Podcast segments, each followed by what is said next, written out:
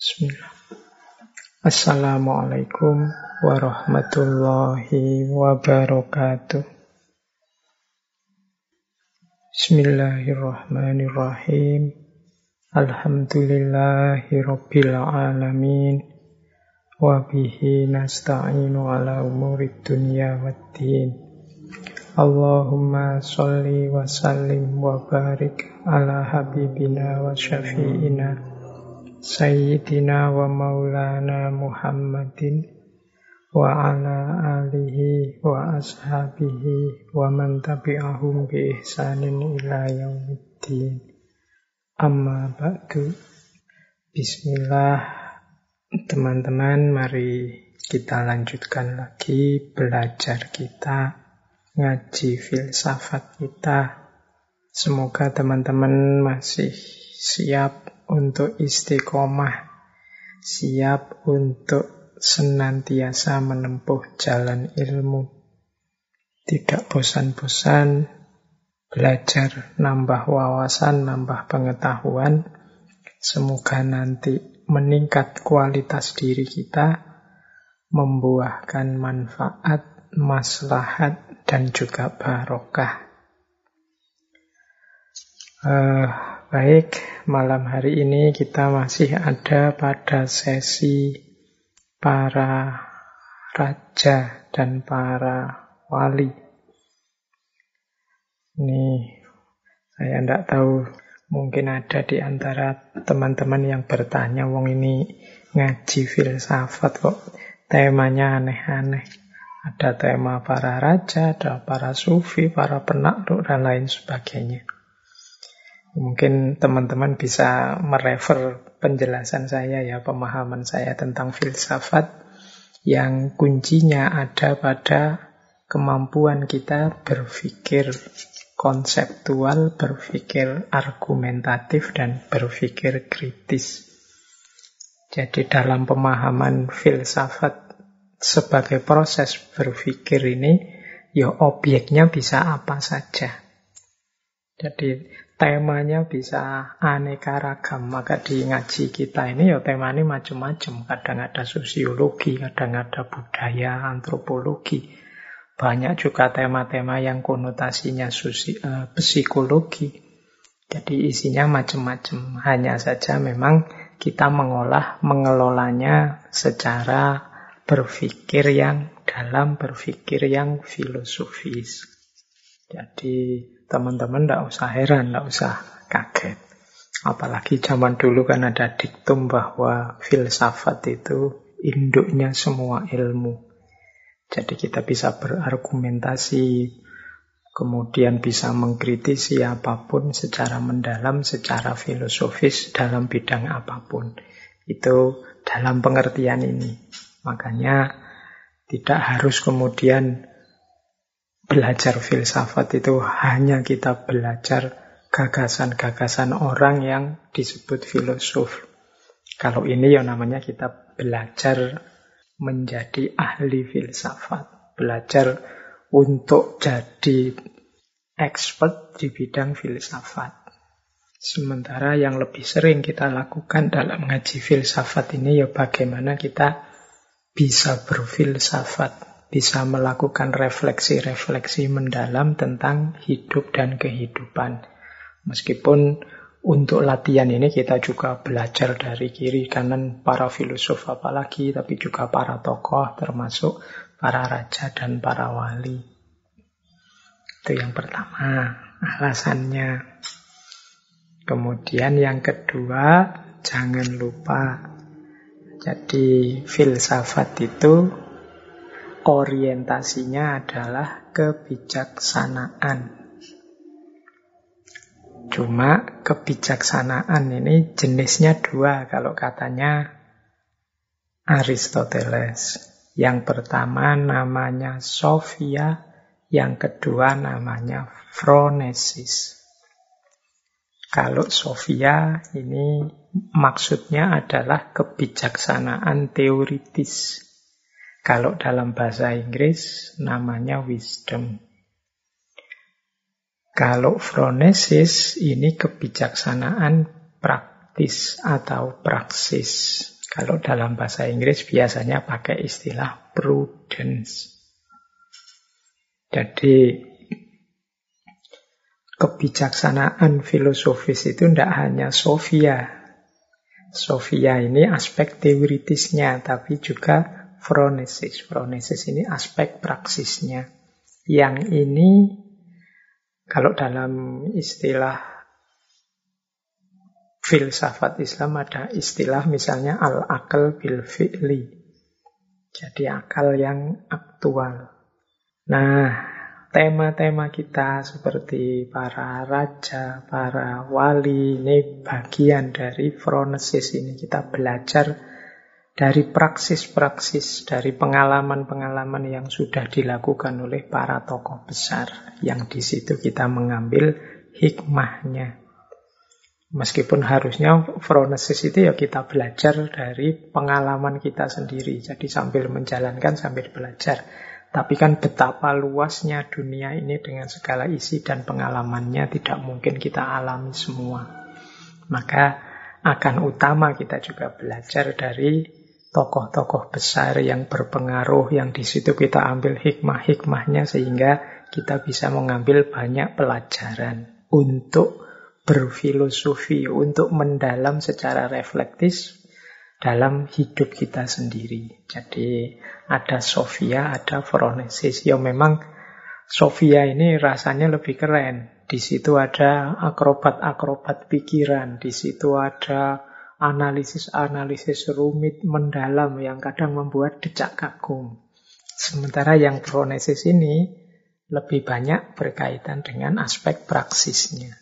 Jadi mungkin tidak seheboh, sewow yang Sofia tadi. Teori-teori yang rumit, yang sophisticated itu banyak kita temukan dalam Sofia. Ya kita sering juga membahas Sofia, bukan berarti kita terus melupakan aspek yang phronesis ini. Jadi itu alasannya mengapa kok tokoh-tokoh seperti para wali, para raja ini juga masuk dalam tema kajian kita. Kemudian juga teman-teman boleh ingat misalnya pandangannya Konfusius bahwa ketika kita ingin sampai pada titik kebijaksanaan, itu jalannya tiga.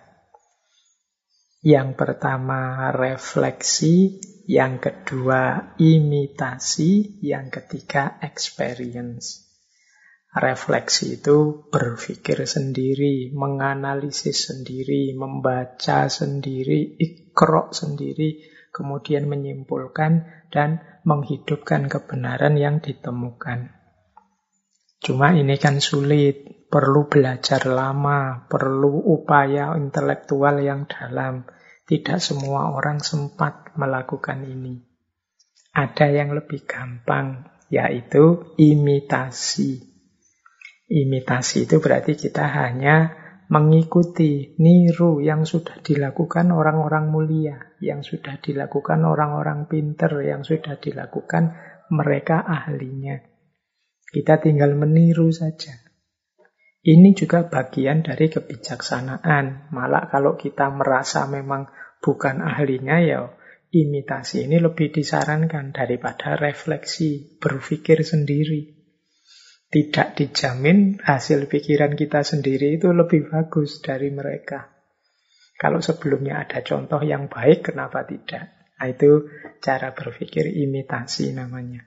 Ya kalau sama kalau kita sakit itu kan kita mencari dokter dan mengikuti apa saja yang dinasehatkan oleh dokter. Tidak mungkin kita berpikir sendiri wong kita bukan dokter. Jadi ini Cara kedua yaitu imitasi. Jalan ketiga itu experience. Nah, kalau experience ini yo orang belajar dari pengalamannya. Jadi mendapatkan wawasan, hikmah, pengetahuan-pengetahuan tentang hidup dari pengalamannya. Kalau experience ini kalau kata Confucius agak pahit. Orang harus mengalami dulu mengalami bencana, rasa sakit, kesulitan, problem, dan dia menang atas semua itu, baru dia dapat hikmahnya. Ini kalau experience ini logikanya bersakit-sakit dahulu. Jadi harus ada upaya capek lelah dulu baru dapat pengetahuan. Makanya orang tua kita, simbah-simbah kita itu mungkin tidak kuliah filsafat, mungkin mereka tidak belajar tentang Socrates, Plato, Aristoteles. Tapi mereka bisa membijaksanai hidup mereka, bisa mengambil keputusan-keputusan yang sangat bijaksana dari pengalaman hidup mereka. Makanya teman-teman kalau dinasihati orang tua itu kan diperintahkan patuh dan dengarkanlah. Mereka meskipun tidak sekolah setinggi kita, mereka punya madrasah sendiri yaitu hidup mereka. Nah ini experience namanya. Ya kalau versinya para filosof intuitif seperti Imam Ghazali, Henry Bergson. Pengalaman dari experience ini jauh lebih valid. Karena orang mengalami langsung meskipun pahit. Yang jelas ngaji filsafat sulit untuk masuk lewat pintu experience. Ini setiap orang menjalankan sendiri. Yang bisa kita lakukan dua, refleksi dan imitasi. Kadang-kadang saya membahas bagaimana cara refleksi, belajar dari tokoh-tokoh filosof cara refleksi, tapi sering kali juga kita tawarkan model imitasi. Langsung saja dijelaskan ini loh cara berpikir, gaya hidup, perilaku, sikap tokoh-tokoh yang utama yang bisa ditiru. Nah ini model imitasi namanya. Mungkin tema kita bulan ini ini banyak merangsang orang untuk meniru, mengikuti. Namanya imitasi. Nanti mungkin tema yang lain merangsang kita untuk berefleksi. Ya karena tipenya orang beda-beda, ada yang tipe lebih suka refleksi, ada yang lebih suka imitasi. Ya ngaji ini kita gilir, tidak bisa menuruti semuanya. Mungkin kalau pas tema-tema gini, sebagian kita merasa, Pak, tema filsafat kok itu, Pak, buat tema yang lain.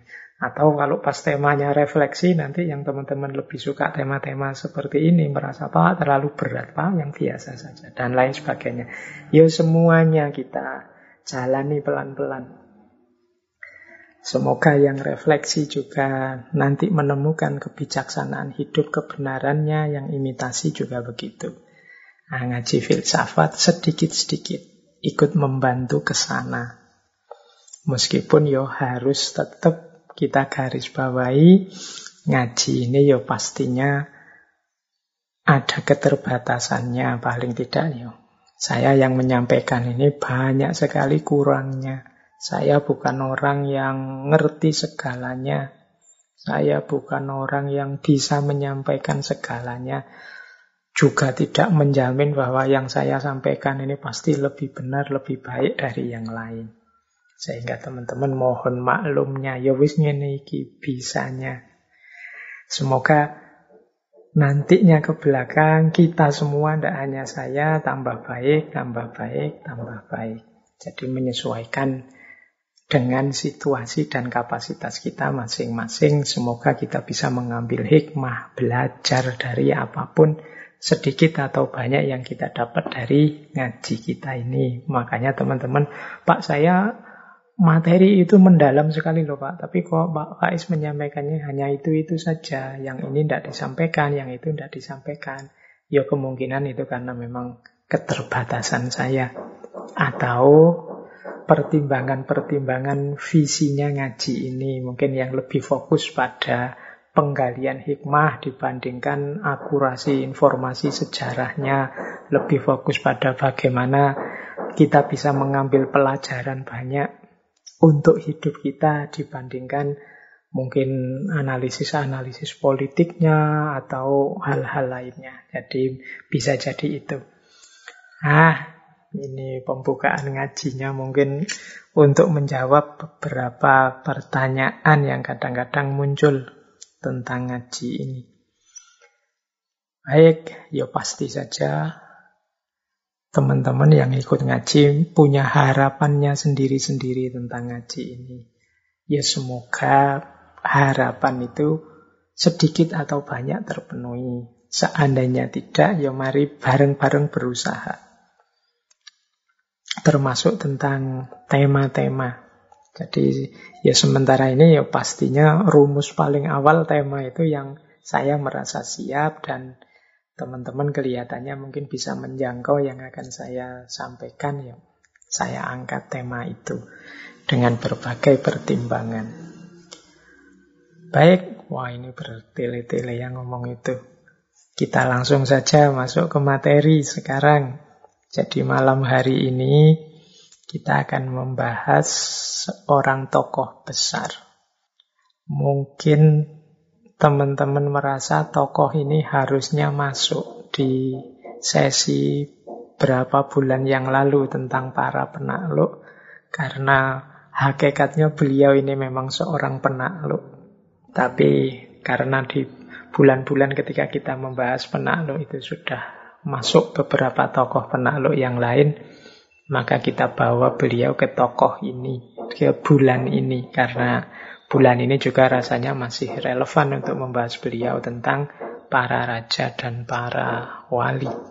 Oke, malam hari ini kita akan membahas beliau Sultan Muhammad Al-Fatih atau yang dikenal dengan nama Muhammad As-Sani, Mehmet As-Sani. Beliau ini sultan yang ke-7 dari para sultan dinasti Utsmaniyah atau kadang kita menyebutnya Turki Utsmani atau mungkin teman-teman familiar dengan istilah Ottoman.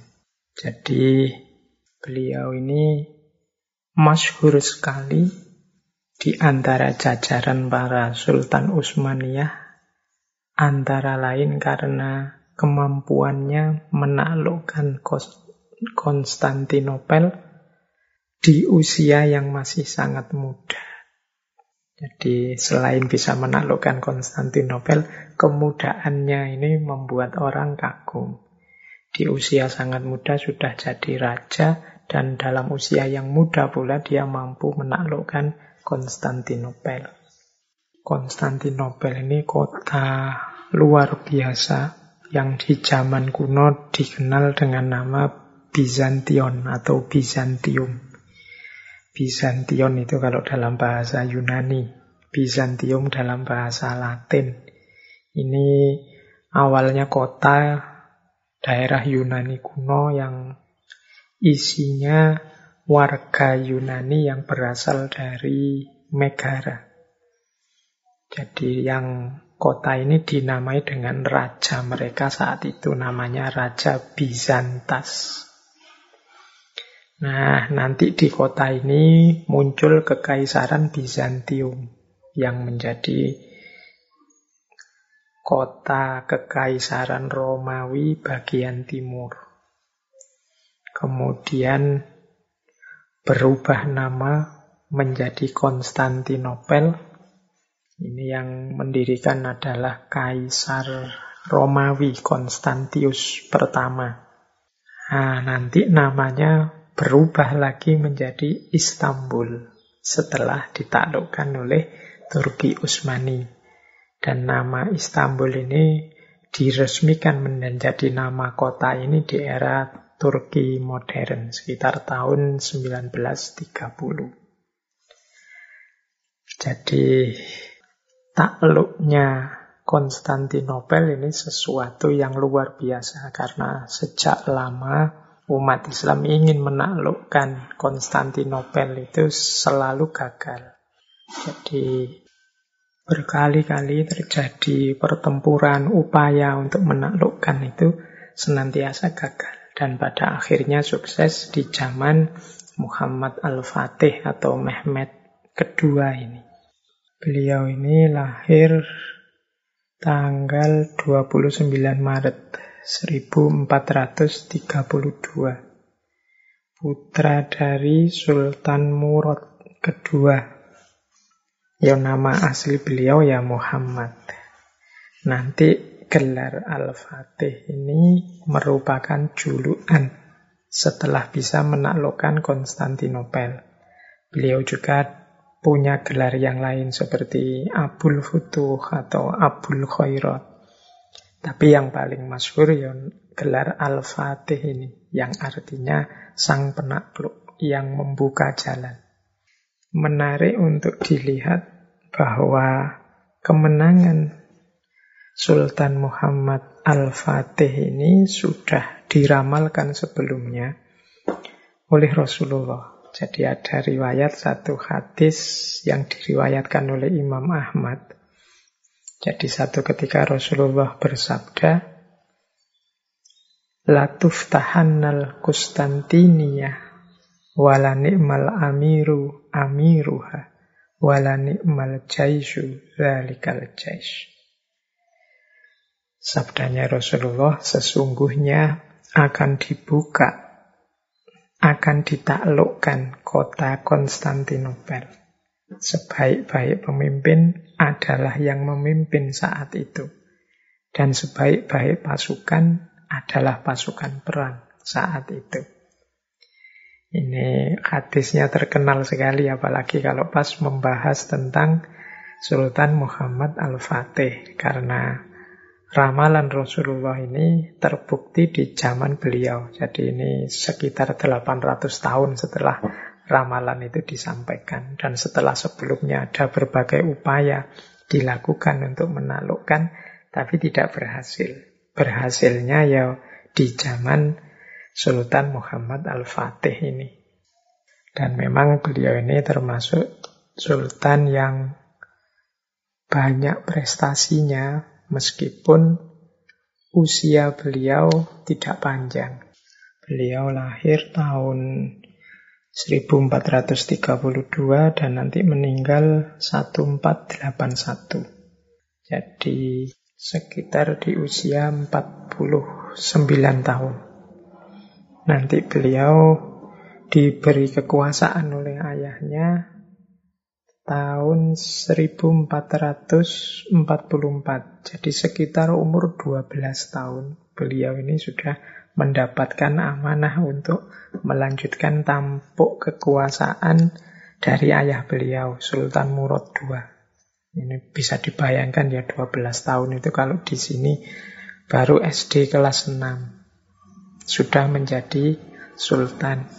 Meskipun nanti sempat dikembalikan lagi kepada ayahnya, tapi kemudian berkuasa lagi secara penuh sampai beliau meninggal. Dan Konstantinopel berhasil beliau taklukkan pada tahun 1453. Tepatnya tanggal 29 Mei. Ini saya tidak akan cerita panjang lebar gitu, tentang riwayat hidup beliau. Mungkin nanti kita potong-potong saja untuk mengambil hikmah yang bisa kita ambil dari beliau. Karena buku-buku tentang beliau sudah sangat banyak, film-film juga sangat banyak. Jadi malam hari ini kita merayakan hikmah-hikmah yang bisa kita ambil dari tokoh yang luar biasa ini. Kalau kita membaca sejarah, jatuhnya Konstantinopel ini menjadi pertanda berakhirnya abad pertengahan. Jadi kalau biasanya dalam periodisasi uh, sejarah filsafat atau sejarah intelektual itu kan ada abad klasik, abad tengah, modern, postmodern. Nah, abad tengah ini biasanya berakhir disebut sekitar abad 15 setelah jatuhnya Konstantinopel ini. Yang kemudian dilanjutkan dengan era modern. Ini kalau dilihat dari babak-babak periodisasi sejarah intelektual. Nah, ya Sultan Muhammad Al-Fatih ini menaklukkan tidak hanya Konstantinopel, masih sangat banyak wilayah-wilayah yang lain yang beliau taklukkan. Oke, baik. Mari kita mulai belajar dari beliau apa-apa yang bisa kita ambil hikmah untuk meningkatkan kualitas hidup kita.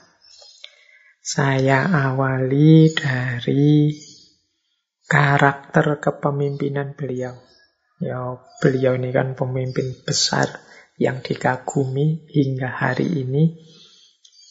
Berarti penting kita teladani, kita mungkin bisa mengimitasi entah berapa persen karakter-karakter yang beliau miliki. Menurut catatan saya, ini kalau membaca sejarah tentang beliau, beliau ini termasuk pemimpin yang punya visi. Kemudian pemimpin yang tegas, berani, Kemudian pemimpin yang cerdas, wawasannya luas. Kemudian pemimpin yang gigih, tidak mudah menyerah. Di samping itu beliau ini termasuk sosok yang soleh, setia dengan nilai-nilai keagamaan. Kemudian adil, kemudian toleran. Wah ini paket lengkap ya kalau ada pemimpin dengan kualitas seperti ini. Baik, yo, yang pertama beliau ini jelas pemimpin yang punya visi. Jadi beliau ini tahu apa yang harus dilakukan, apa yang harus diwujudkan, tahu ideal-ideal apa yang harus dia jalankan. Itu namanya punya visi. Jadi tidak sekedar jalan sajalah nanti dilihat misalnya harus meluaskan wilayah, pokoknya diluaskan saja, pokoknya seluas-luasnya tidak ada target apa-apa. Nah, itu namanya tidak punya visi. Punya visi itu ngerti apa yang harus aku lakukan dan mengapa ini harus aku lakukan. Tidak asal-asalan. Jadi semua keputusan yang diambil, semua kebijakan yang ditetapkan dalam rangka visi tadi. Pemimpin yang punya visi itu biasanya lebih teguh pendirian, lebih sukses karena dia tahu ke mana harus menuju. Tidak trial and error, tidak coba-coba, tidak jajal ke sana, jajal ke sini, siapa tahu bagus, siapa tahu berhasil. Tidak. Jadi punya visi itu dia tahu benar apa yang harus dilakukan, ke mana harus menuju. Sultan Muhammad Al-Fatih ini juga begitu. Beliau tahu. Dia setelah menaklukkan Konstantinopel, kemudian mana lagi yang harus ditaklukkan. Atau sebelumnya, sebelum mencapai Konstantinopel, mana saja dulu yang harus diurusi, dan seterusnya. Kalau dalam kisahnya beliau bahkan setelah Konstantinopel takluk, beliau berencana menaklukkan Romawi. Nah ini visi namanya, tahu apa yang harus dilakukan dan apa yang jangan dilakukan. Kemudian yang kedua berani. Beliau ini kalau tentang keberaniannya tidak usah diuraikan panjang lebar sudah. Beliau ini meskipun masih muda, atau jangan-jangan karena memang masih muda, begitu mantap dengan rencana-rencana dan program-program yang akan dia wujudkan. Jadi beliau ini masyhur sekali keberaniannya.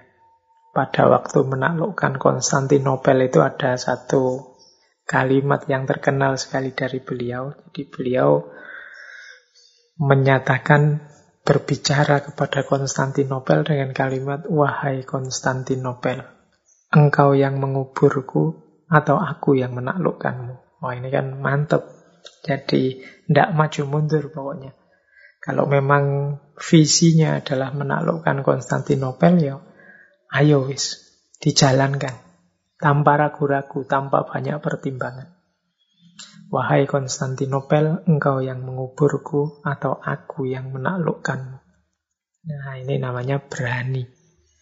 Visinya jelas, unggul, tapi tidak berani melakukan apa-apa, tidak berani memulai serba ragu-ragu melangkah, ya tidak akan sukses. Kita yang mungkin sering belajar macam-macam, mendengarkan kajian macam-macam, mungkin punya ideal-ideal penuh di kepala kita. Tapi ideal-ideal yang penuh itu, kalau tidak kita memulai untuk mewujudkannya, kita tidak berani untuk segera menjalankannya, ya dia hanya akan jadi sampah di kepala kita.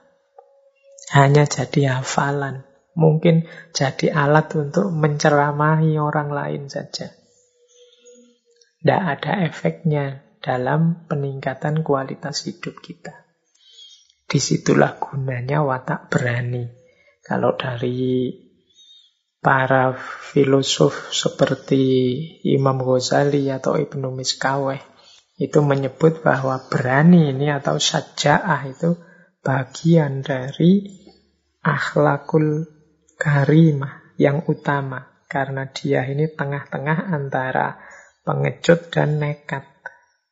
Pengecut itu berarti tidak berani melakukan apa-apa, nekat itu melakukan sesuatu tanpa pertimbangan. Tidak punya kalkulasi, tidak pakai visi, tidak pakai standar, nekat saja melakukan. Nah, tengah-tengahnya itu berani. Jadi tidak ragu-ragu, tidak males melakukan sesuatu, tapi juga tidak nekat.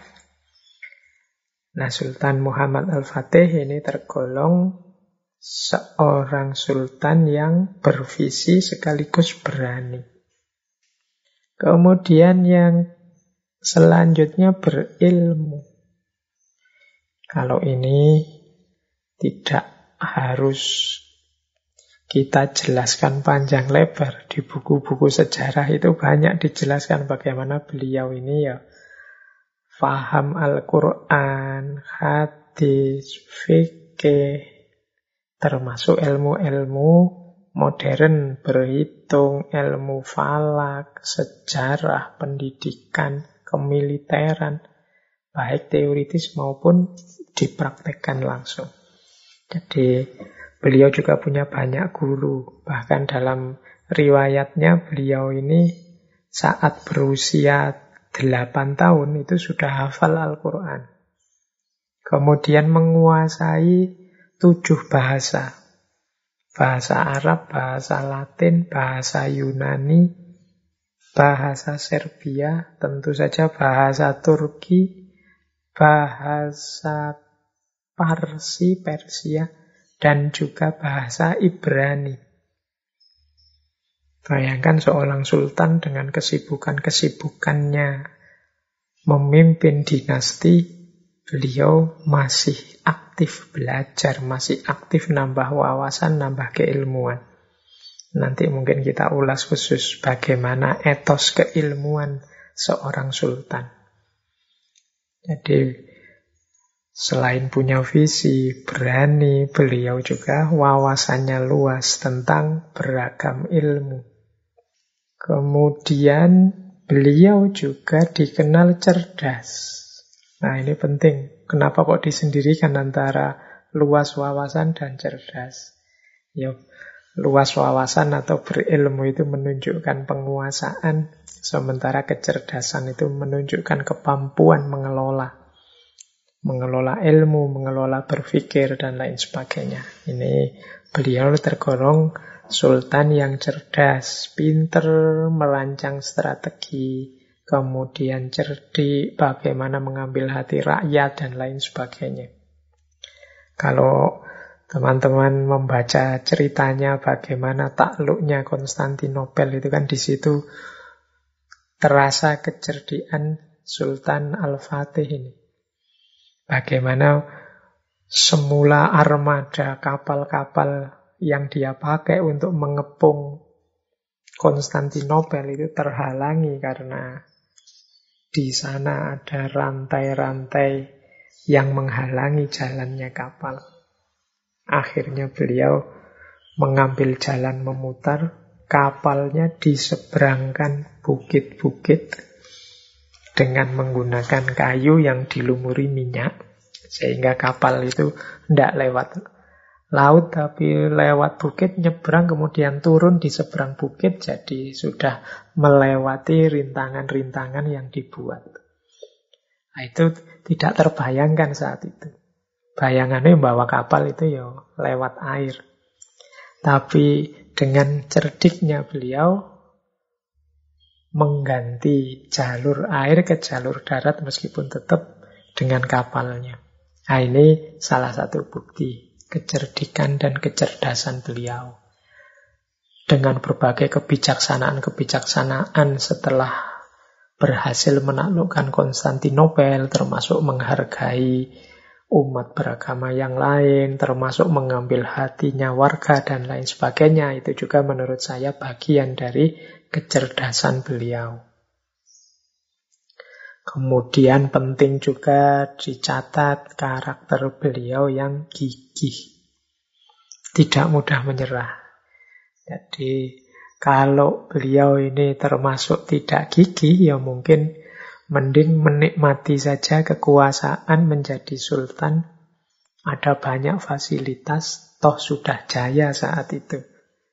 Tidak perlu capek-capek lagi.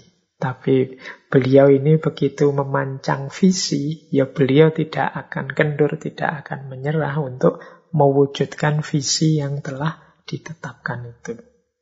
Meskipun banyak rintangannya, banyak halangannya, Termasuk kalimat yang beliau sampaikan tadi, wahai Konstantinopel, engkau yang menguburku atau aku yang menguburmu, aku yang menaklukkanmu, itu kan muncul setelah beliau menghadapi berbagai kesulitan, termasuk Raja Konstantinopel saat itu yang menolak dan ingin mempertahankan wilayahnya. Bahkan ada cerita juga satu ketika pasukan Bizantium ini membakari benteng-bentengnya umat Islam yang terbuat dari kayu. Tapi Sultan tetap tidak putus asa. Banyak bentengnya terbakar, beliau terus bilang, tunggu saja besok kita buat lagi benteng yang sama, empat kali lipat jumlahnya. Nah, itu kan menunjukkan bahwa beliau ini tidak mudah menyerah. Tokoh yang gigih, memperjuangkan kebenaran yang diyakininya. Nah, penting seorang pemimpin gigih. Kalau sudah punya visi, biasanya ya pemimpin itu banyak ujian untuk mewujudkan visi itu. Mungkin tidak disetujui kiri kanan, dikritik kiri kanan, bahkan mungkin dicaci maki, bahkan mungkin ada yang membelot, mengkhianat, ada yang memberontak, ada yang menghalangi jalan. Tapi penting bagi seorang pemimpin kalau sudah punya cita-cita, punya target, ya harus gigih untuk mewujudkan cita-cita itu. Kalau tidak, ya dia akan terombang-ambing terus. Dan itu dicontohkan oleh Sultan Al-Fatih dalam kegigihannya saat akan menaklukkan Konstantinopel. Kemudian beliau ini juga tergolong seorang yang sangat soleh. Ini tidak mengherankan karena guru-guru beliau itu banyak yang termasuk sufi. Jadi beliau ini diriwayatkan seorang sultan yang tidak pernah meninggalkan sholat fardu, sholat sunnah, sholat tahajud, dan berpuasa. Jadi ini keistiqomahan beliau dari sisi kesalehan individual. Ada cerita setelah penaklukan Konstantinopel itu, kemudian akan dilaksanakan sholat Jumat. Nah, saat akan memulai sholat Jumat, Sultan kemudian berdiri menawarkan kepada pasukannya siapa yang layak untuk menjadi imam sholat Jumat kita yang pertama ini. Nah itu semua pasukannya tidak ada yang berani menawarkan diri. Akhirnya beliau melakukan seleksi. Beliau meminta, oke, okay, semuanya sekarang berdiri. Nah, ini Beliau menganggap semuanya mampu untuk jadi imam sholat Jumat. Tinggal diseleksi yang terbaik.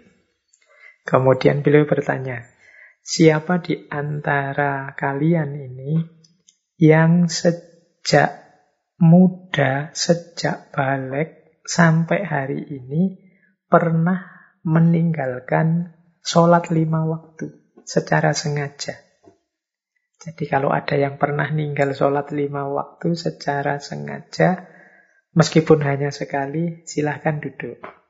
Nah, ternyata tidak ada yang duduk. Itu berarti semua pasukannya ini termasuk Orang-orang yang mendirikan sholat. Lengkap lima waktu. Tidak pernah bolong. Semuanya. Oke, akhirnya belum nemu yang dicari. Wong semuanya belum ada yang duduk. Akhirnya ditambah kriterianya oleh Sultan Al-Fatih. Siapa di antara kalian yang sejak balik dulu hingga hari ini pernah meninggalkan sholat sunnah rawatib? Sholat yang mengiringi sholat fardu. Nah, setelah yang kedua ini yang ditanyakan, ternyata ada. Kata beliau, ya, ya sudah, yang pernah meninggalkan sholat rawatib duduk. Tinggal sebagian. Berarti sebagian juga ya sholat fardu, ya sholat rawatibnya lengkap. Oke, sekarang masih banyak ini yang berdiri. Nah, terus beliau nambah lagi, kalau begitu siapa di antara yang masih berdiri ini yang sampai hari ini, sejak dia balik, pernah meninggalkan sholat tahajud? pernah kosong tahajudnya secara sengaja satu malam saja? Kalau iya, silahkan duduk. Ah, ternyata begitu pertanyaan ketiga ini, semuanya duduk, berarti semuanya pernah tidak sholat tahajud. Meskipun mungkin hanya bolong sehari atau dua hari. Satu-satunya yang masih berdiri ya tinggal Sultan Al-Fatih sendiri. Di beliau ini memang dikenal istiqomah dalam sholat tahajud. Tidak pernah putus. Ya ini ilustrasi saja untuk menggambarkan seorang yang begitu kuat, begitu dahsyat. Ternyata juga secara sekaligus sangat soleh. Ini mungkin pelajaran ya bagi kita bahwa kesolehan itu bukan berarti kepasifan. Bukan berarti lari dari dunia. Tapi kesolehan itu adalah bagian dari jalan kita untuk menuju kesuksesan, menemukan tujuan-tujuan hidup yang hakiki. Baik, selain soleh tadi, boleh juga kita jelaskan juga tentang adil. Sebenarnya ini ya otomatis lah, tidak perlu dijelaskan panjang lebar tentang keadilan ini. Tapi banyak juga kisah-kisah yang menggambarkan adilnya Sultan Al-Fatih ini. Tidak apa-apa ya, ini sesi ini kita cerita-cerita saja santai-santai. Ini memang seperti saya bilang tadi, ini model kajian yang orientasinya imitasi. Kalau ada yang penting dan mungkin bisa kita tiru, mari kita tiru. Jadi Sultan Al-Fatih ini memang dikenal sultan yang adil. Ya dalam banyak hal. Sebut saja misalnya satu contoh, ada cerita begini. Satu ketika ketika membangun masjid jamek di kota Istanbul, ini setelah berhasil menaklukkan Konstantinopel, beliau ini menugaskan seorang insinyur sipil dari Romawi namanya Epsalanti. Nah, insinyur ini satu ketika salah paham terhadap perintahnya Sultan Al-Fatih. Beliau ini diperintahkan oleh Sultan agar membuat tiang-tiang masjid utuh dari marmer. Nah, oleh insinyur sipil ini tiang itu malah dipotong-potong. Jadi marmernya jadi tidak utuh. Nah ini membuat Sultan marah. Yang namanya Sultan marah. Khilaf sebentar. Akhirnya Sultan memerintahkan untuk memotong tangannya insinyur sipil dari Romawi ini. Jadi karena kemarahan Sultan, wong diperintah oleh Sultan kok ndak manut, ndak ikut. Nah, insinyur ini ndak terima tangannya dipotong. Akhirnya menuntut Sultan ke pengadilan. Jadi ini dia lapor pada kodi di Istanbul saat itu. Namanya Syekh Sori Khidir Jalabi. Ini Kodi yang dikenal keadilannya. Jadi dia mengadukan sultan kepada Kodi ini. Yo, Kodi ini karena adil mendengar pengaduan insinyur ini ya dia pun kemudian memanggil sultan untuk hadir di mahkamahnya kemudian memutuskan dengan adil dan ceritanya ketika diputuskan itu sultan ya posisinya sama dengan yang mengadu dia meskipun sultan di pengadilan tempat duduknya sama bahkan sama-sama berdiri. Nah, setelah itu masing-masing menyampaikan duduk persoalannya. Akhirnya Kodi memutuskan bahwa sultan salah. Jadi yang dilakukan oleh sultan itu keliru keputusan sultan karena kemarahannya itu salah. Dan hukumannya adalah kisos. Kisos itu berarti ya potong tangan, balas potong tangan. Nah, setelah diputus kisos itu, ganti yang terkejut insinyurnya. Jadi dia tidak membayangkan keputusan hukumnya sedahsyat itu. Semula dia membayangkan Ya pokoknya hukuman denda saja. Dia sebenarnya mengincar untuk mendapatkan ganti rugi yang besar. Sehingga ketika diputuskan bahwa hukumannya kisos, tangan ganti kangen, insinyur ini kaget.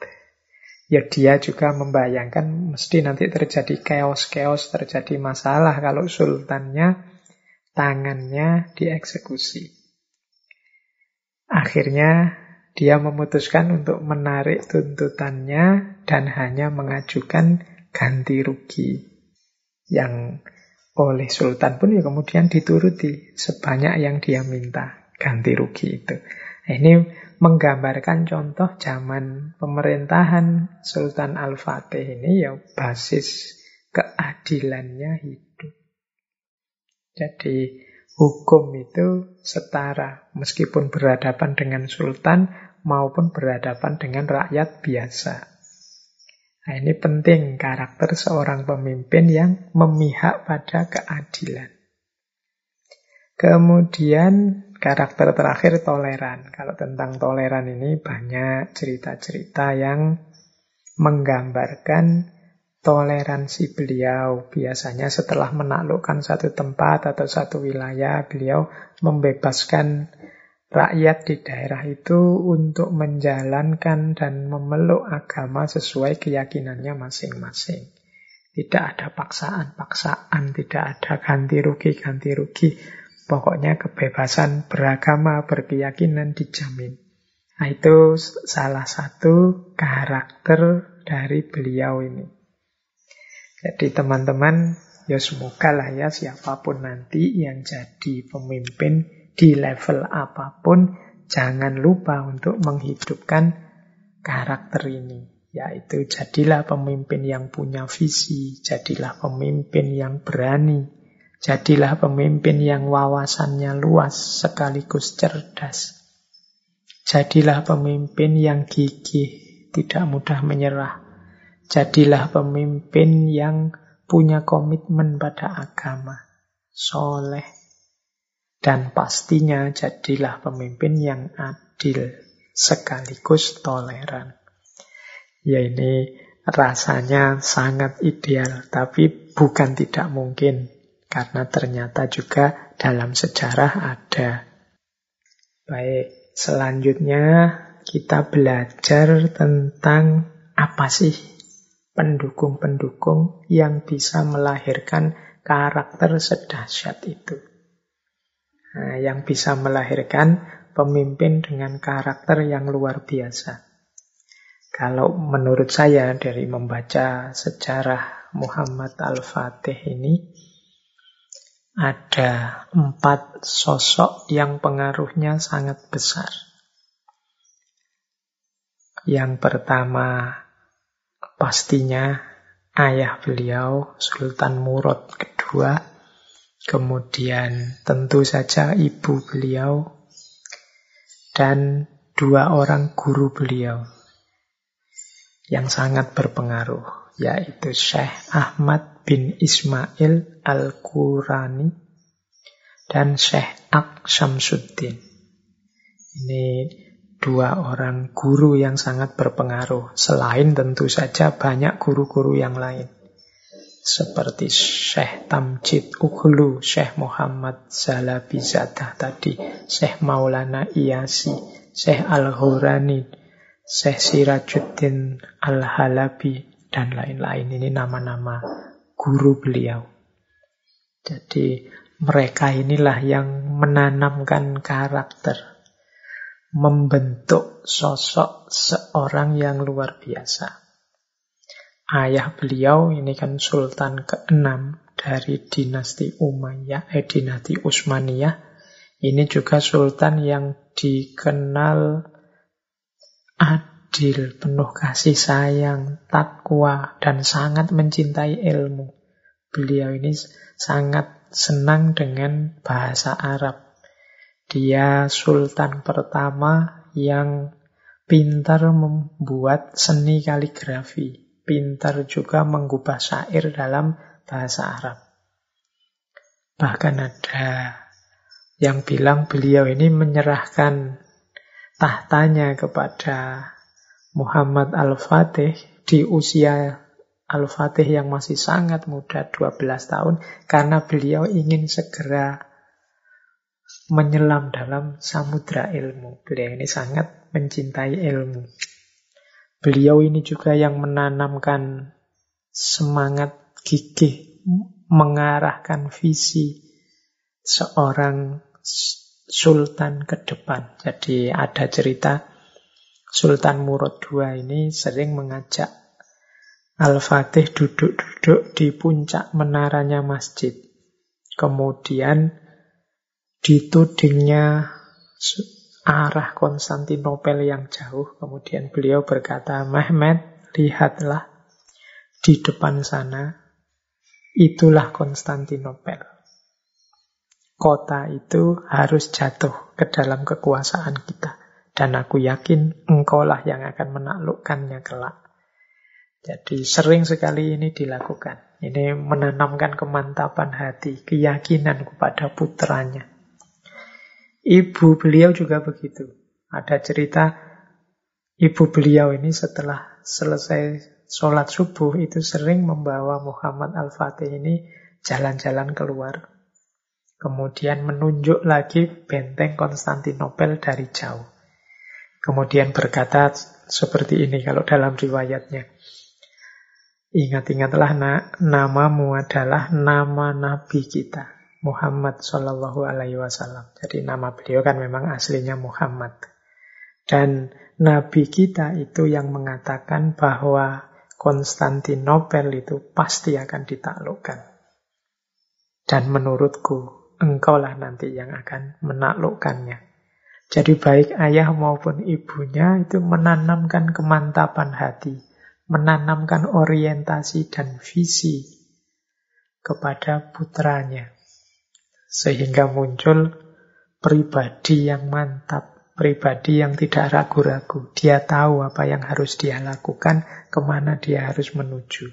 Nah, ini bagi saya motivator yang luar biasa ayah dan ibu.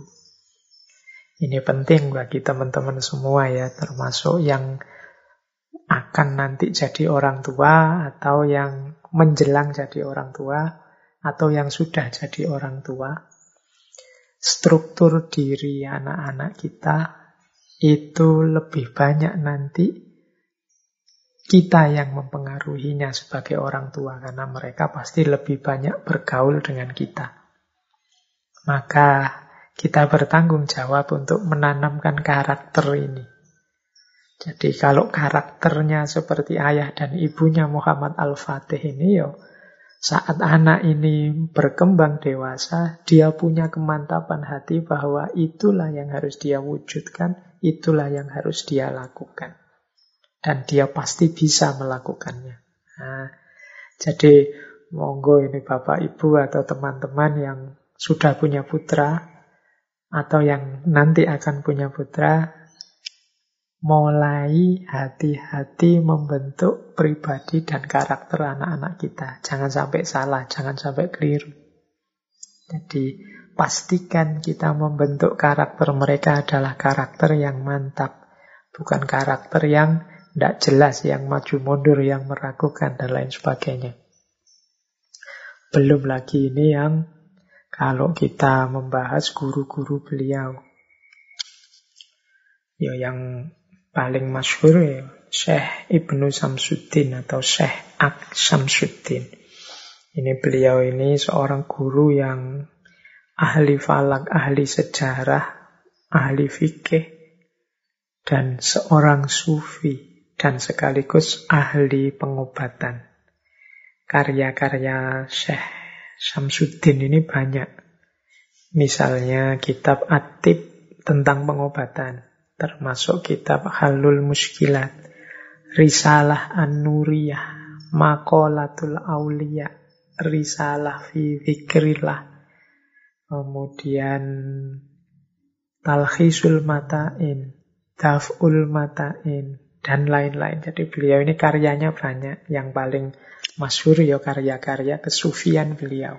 Dan nanti banyak cerita beliau bersama dengan Sultan Al-Fatih ini yang termasuk yang berhubungan dengan penaklukan Konstantinopel. Ada kisah, jadi pada saat tanggal 28 Mei malam itu sebelum 29 Mei ketika Konstantinopel itu jatuh jadi Syekh Samsudin ini sedang melakukan tahajud dekat dengan Allah sholat malam kemudian tiba-tiba beliau bangkit menemui Sultan Al-Fatih kemudian menyuruh besok semua pasukan harus berpuasa. Kemudian melakukan qiyamul lain dalam berzikir serius malam itu, insya Allah kemenangan akan terbuka besok. Nah, kemudian akhirnya nasihat dari Syekh Samsudin ini dituruti dan benteng Konstantinopel jatuh. Tanggal 29 Mei 1453. Nanti dalam salah satu sambutannya Al-Fatih ini, saat kejatuhan benteng itu kata beliau, sesungguhnya aku sangat gembira. Tapi gembiraku bukan karena takluknya benteng ini saja, tapi kegembiraanku muncul karena aku di zaman ini masih didampingi oleh orang seorang guru yang sangat mulia ini yaitu Syekh Aksamsuddin. Jadi Beliau gembira ternyata gurunya memang orang yang luar biasa, yang dekat dengan Allah. Jadi ini salah satu gambaran bagaimana orang sebesar Muhammad Al-Fatih ini adalah orang yang diwarnai oleh, dipengaruhi oleh tokoh-tokoh penting dan besar. Termasuk dalam hal agama, sehingga lahirlah pribadi yang luar biasa. Baik, kita lanjutkan sedikit. Saya ingin menyampaikan sebagaimana minggu lalu kita punya patron keilmuan yang luar biasa dedikasinya untuk kebangkitan dunia ilmiah Islam, yaitu Khalifah Harun al-Rashid. Jadi yang dengan gaya beliau akhirnya Islam menjadi puncak keilmuan, puncak peradaban ilmiah dalam sejarah. Demikian juga Sultan Muhammad Al-Fatih ini. Jadi beliau ini juga punya kecintaan yang sangat dalam kepada ilmu. Jadi beliau ini punya visi untuk menjadikan Istanbul sebagai kota ilmu internasional. Beliau ingin Istanbul jadi kota kosmopolitan, tempat bertemu para ahli, dan tempat kajian berbagai bidang keilmuan. Jadi ini visinya Sultan di ranah ilmu. Makanya dia melakukan banyak sekali upaya untuk mensukseskan visi ini. Beliau mendukung mobilitas ilmiah atau kalau kemarin istilahnya rislah ilmiah yang dilakukan baik ke Kairo, ke Bukhara, ke Samarkand, ke Baghdad dan lain sebagainya. Ini kalau bahasa hari ini mungkin memberi beasiswa-beasiswa. Jadi mendukung eksplorasi ilmiah ke mana-mana. Kemudian beliau juga punya program dosen-dosen tamu kalau bahasa hari ini ya. Mengundang ulama dari seluruh penjuru dunia untuk masuk ke Istanbul. Hadir di sana, ngajar. Sehingga nanti di Istanbul itu terkenal nama-nama ulama yang dicirikan dengan daerah asal mereka. Misalnya ada yang akhirnya Al-Arabi, Al-A'jami, Atusi berarti dari Tus, Asamarkondi berarti dari Samargan dan lain sebagainya. Jadi mereka dikenal dari tempat daerah asalnya. Itu menunjukkan bukan dari situ. Itu karena memang para ulama banyak diundang dari berbagai penjuru dunia untuk masuk ke Istanbul. Kemudian beliau juga membentuk dewan namanya Masayikh al-Islamiyah, Dewan Ulama Islam. Ini untuk memfasilitasi aktivitas-aktivitas para ulama. Beliau juga banyak mendirikan sekolah-sekolah di berbagai tempat. Bahkan dalam ceritanya, beliau ini kalau sedang melakukan penaklukan-penaklukan ke mana-mana, itu selalu mengajak para ulama dengan tujuan untuk bisa berdiskusi sepanjang perjalanan. Jadi selain menaklukkan tapi juga bisa nambah wawasan, nambah ilmu. Itu tadi yang saya bilang bagaimana beliau ini wawasannya sangat luas.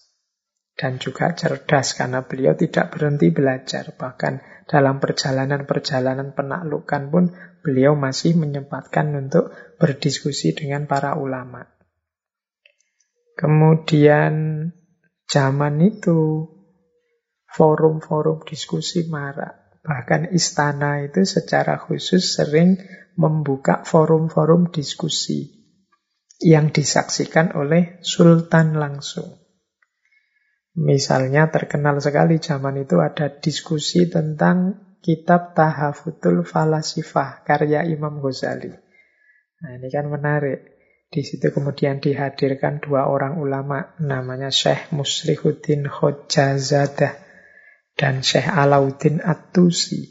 Ini atas undangan Sultan, dua orang ini membahas kitab Tahafutul Falasifah. Kemudian pernah juga diadakan diskusi tentang tauhid secara filosofis, secara enam hari. Membahas tauhid saja. Jadi ini menunjukkan betapa Sultan sangat komitmen, sangat cinta pada ilmu. Beliau senang nambah-nambah wawasan, rasa ingin tahunya juga tinggi sehingga mengundang para ulama untuk berdiskusi sehingga beliau paham duduk persoalan yang sebenarnya. Dan menarik pula untuk kita baca ternyata Sultan ini sering juga melakukan diskusi-diskusi antar agama, berdialog dengan para pastor. Kalau di ceritanya itu misalnya beliau pernah dialog dengan pastor Ginadius Colarius, pastor Maxim Manuel, dan lain-lain. Jadi beliau ini ternyata juga aktif juga, tidak eksklusif tapi membuka diri untuk mendapat banyak wawasan dari mana saja. Jadi tidak tertutup hanya di ajaran Islam saja, tapi beliau juga ingin tahu. Mungkin umat beragama lain punya pendapat berbeda, punya persepsi berbeda. Ya untuk bisa toleran itu kan kita harus tahu dulu keyakinan mereka, ajaran-ajaran mereka, sehingga kita bisa menghargai. Ya tidak mungkinlah kita bisa menghargai tanpa tahu apa-apa.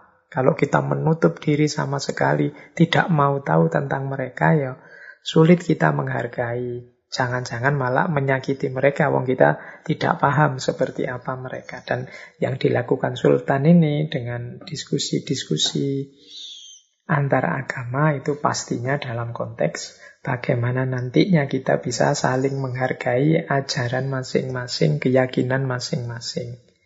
Tidak mungkin tumbuh penghargaan, tumbuh rasa sayang kalau kita tidak saling tahu menau. Mungkin di antara akar masalah antar manusia hari ini itu lahir karena cara hidup yang egois tadi, yang tidak saling ingin tahu menau. Urusanmu, urusanmu, urusanku, urusanku. Karena kita gelap sama sekali tentang urusan dia, akhirnya kita tidak paham. Bahwa yang kita lakukan itu mungkin menyakiti dia, bahwa yang kita lakukan itu mungkin membuat dia tersinggung, membuat dia tidak enak, dan lain sebagainya.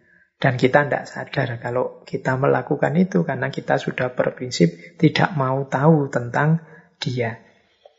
Nah, maka keterbukaan-keterbukaan seperti yang dicontohkan oleh Sultan Muhammad Al-Fatih ini penting bagi kita.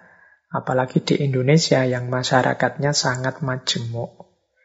Jadi toleran itu yang menurut saya tidak berarti kemudian saling cuek urusanmu, urusanmu, urusanku, urusanku. Tapi di situ ada unsur, mari kita saling memahami. Kamu mengertilah sedikit serba sedikit tentang norma-norma atau nilai-nilai yang mereka yakini, demikian juga sebaliknya. Jadi sehingga nanti bisa saling menghormati. Tidak kemudian saling menutup diri. Karena kalau kita saling menutup diri, masing-masing eksklusif, yaitu pada akhirnya ya terus mudah pecah, mudah diadu domba. Wong kita saling tidak tahu, saling tidak kenal. Kalau diprovokasi kan terus nyolotnya cepet. Baik, kita lanjutkan. Sekarang kita akan belajar mencari hikmah dari beberapa fragmen dalam kehidupan Sultan Muhammad Al-Fatih. Ya, sebagaimana gayanya ngaji filsafat, selalu melacak hikmah-hikmah meskipun yang disampaikan cerita-cerita, tapi kita semampu mungkin menarik hikmah dari cerita-cerita ini. Siapa tahu bisa meningkatkan kualitas hidup kita. Kita mulai ya.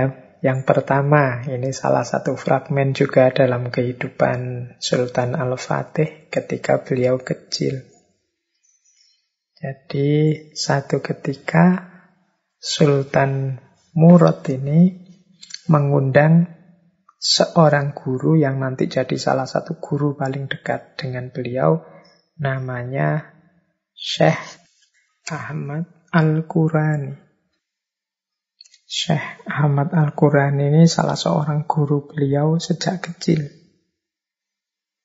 Nah, saat ayahnya menitipkan beliau pada Syekh Ahmad Al-Quran ini, ayahnya bilang begini, ajarilah anak saya belajar dengan benar dan pukullah dia dengan kayu ini kalau dia tidak serius atau tidak benar. Jadi Sultan sambil memberikan sepotong kayu kepada Syekh Ahmad Al-Qurani. Kemudian setelah ayahnya pergi, Syekh Al-Qurani segera datang menemui Muhammad Al-Fatih. Sambil membawa kayu tadi yang dititipkan oleh ayahnya. Setelah ketemu, kemudian beliau berkata, ayahmu mengirimkanku padamu untuk belajar.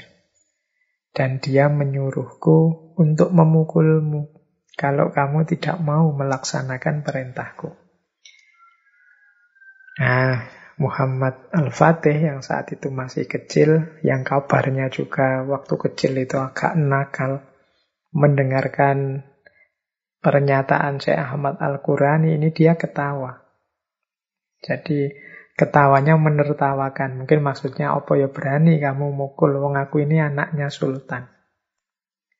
Tapi saat Al-Fatih ketawa, tiba-tiba Syekh Al-Qurani ini mengangkat kayunya dan dipukulnya Muhammad Al-Fatih dengan keras. Nah, baru Syekh, eh, baru Sultan Al-Fatih ini sadar bahwa gurunya ini serius loh. Kalau dia melakukan kesalahan, kalau dia macam-macam maka akan dipukul dengan kayu itu dan dia tidak bisa lapor pada ayahnya, wong yang menyuruh gurunya ini ayahnya. Nah, alhasil akhirnya seriuslah Sultan Al-Fatih belajar Al-Quran sampai bisa hafal Al-Quran di usia tujuh tahun dan juga pelajaran-pelajaran yang lain. Jadi ini penting menurut saya untuk diambil pelajaran. Yang pertama adalah kewibawaan guru di depan murid. Jangan sampai seorang murid merasa lebih tinggi dari gurunya atau apalagi merendahkan gurunya. Ini pelajaran dari tertawanya Muhammad Al-Fatih kepada Syekh Al-Qurani. Ini sesuatu yang tidak bisa ditolerir. Adab, adab dari murid kepada guru itu menjadi salah satu prasyarat barokahnya ilmu. Ini juga nasihat untuk teman-teman semua yang sedang menempuh jalan ilmu, para siswa, para mahasiswa. Di antara sumber barokahnya ilmu itu ridhonya guru. Maka jangan sampai kita merendahkan guru, menganggap guru lebih inferior daripada kita atau menganggap guru kita itu hanya sekedar alat untuk kita sukses di masa depan dan lain sebagainya. Jadi kalau dalam dulu kita pernah belajar taklim muta'alim, adabul alim wal muta'alim, ini akan jadi kunci. Jangan sampai apa pun yang kita lakukan, termasuk para mahasiswa ini ya, membuat guru kita tidak ridho. Mungkin beliau tidak komplain ke kita, mungkin beliau tidak marah ke kita, mungkin beliau terima saja apa yang kita lakukan pada mereka, tapi semoga mereka tetap ridho kepada kita. Jangan sampai yang kita lakukan membuat mereka tidak ridho. Kalau mereka tidak ridho, tidak mungkin kita menemukan manfaat dan barokahnya ilmu. Tidak hanya ilmu dari beliau, bisa jadi semua ilmu-ilmu yang lain. Maka penting nasihat dari fragmen yang pertama ini, kisah yang pertama ini, bagaimana hubungan guru dan murid yang ideal. Meskipun murid itu seorang anak raja sekalipun. Dia harus patuh dan tunduk serta beradab kepada gurunya.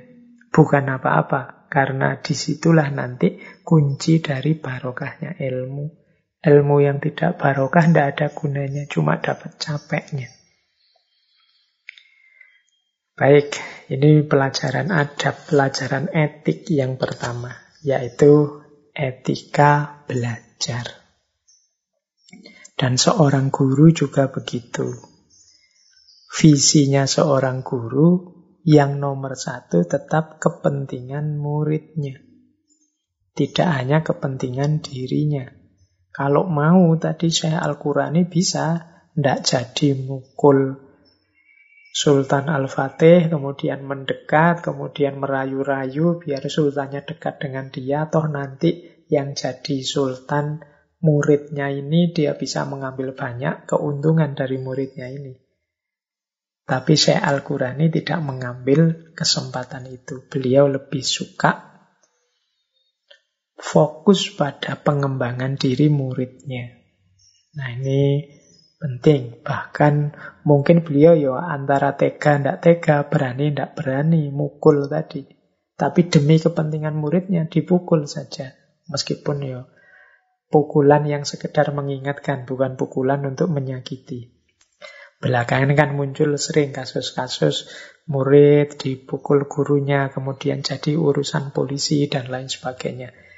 Ini mungkin perlu pembahasan yang lebih dalam, dievaluasi-evaluasi lagi. Kadang-kadang memang di titik tertentu seorang guru, seorang pembimbing perlu mengingatkan muridnya dengan agak keras karena mungkin muridnya agak terlalu jauh menyimpang. Nah, peringatan itu tentunya ya dengan cara tindakan yang mengingatkan, bukan tindakan yang menyakiti, bukan karena gurunya ingin balas dendam dan lain sebagainya. Nah, itu nanti memahami konteks situasi lebih tepat akan memudahkan kita menilai situasi-situasi kapan seorang guru berhak mengingatkan muridnya dengan cara yang agak keras, mengingat muridnya sudah agak jauh nyeleweng atau menyimpang. Baik, ya kalau zaman saya sekolah dulu, zaman SD, yo kadang guru itu membawa penggaris besar itu. Kalau ada yang anak macam-macam ya bisa merasakan kerasnya penggaris atau bisa merasakan telinga yang rasanya mau copot karena dijewer. Itu zaman dulu. Oke, baik. Itu kisah pertama. Kisah kedua. Ini juga menarik. Sama-sama kisah tentang pukulan. Jadi bagaimana Syekh Al-Fatih ini dipukul gurunya. Tapi kali ini yang mukul gurunya yang masyhur tadi. Syekh Ak Samsuddin. Jadi satu ketika ini guru yang paling dihormati oleh Sultan Al-Fatih. Jadi satu ketika Syekh Ak ini tiba-tiba memukul dengan keras Sultan Al-Fatih. Nah, Al-Fatih setelah dipukul keras itu dia sebenarnya tidak terima. Wong aku tidak salah apa-apa. Salahku apa kok dipukul ini. Tapi dia mau protes ke gurunya, dia tidak berani.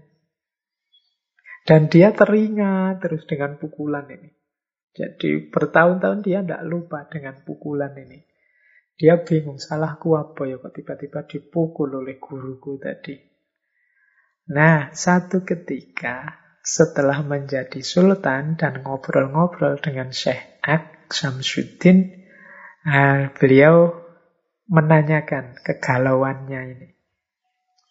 Jadi beliau bertanya, wahai guru, aku mau bertanya. Masih ingat tidak satu hari dulu guru memukulku?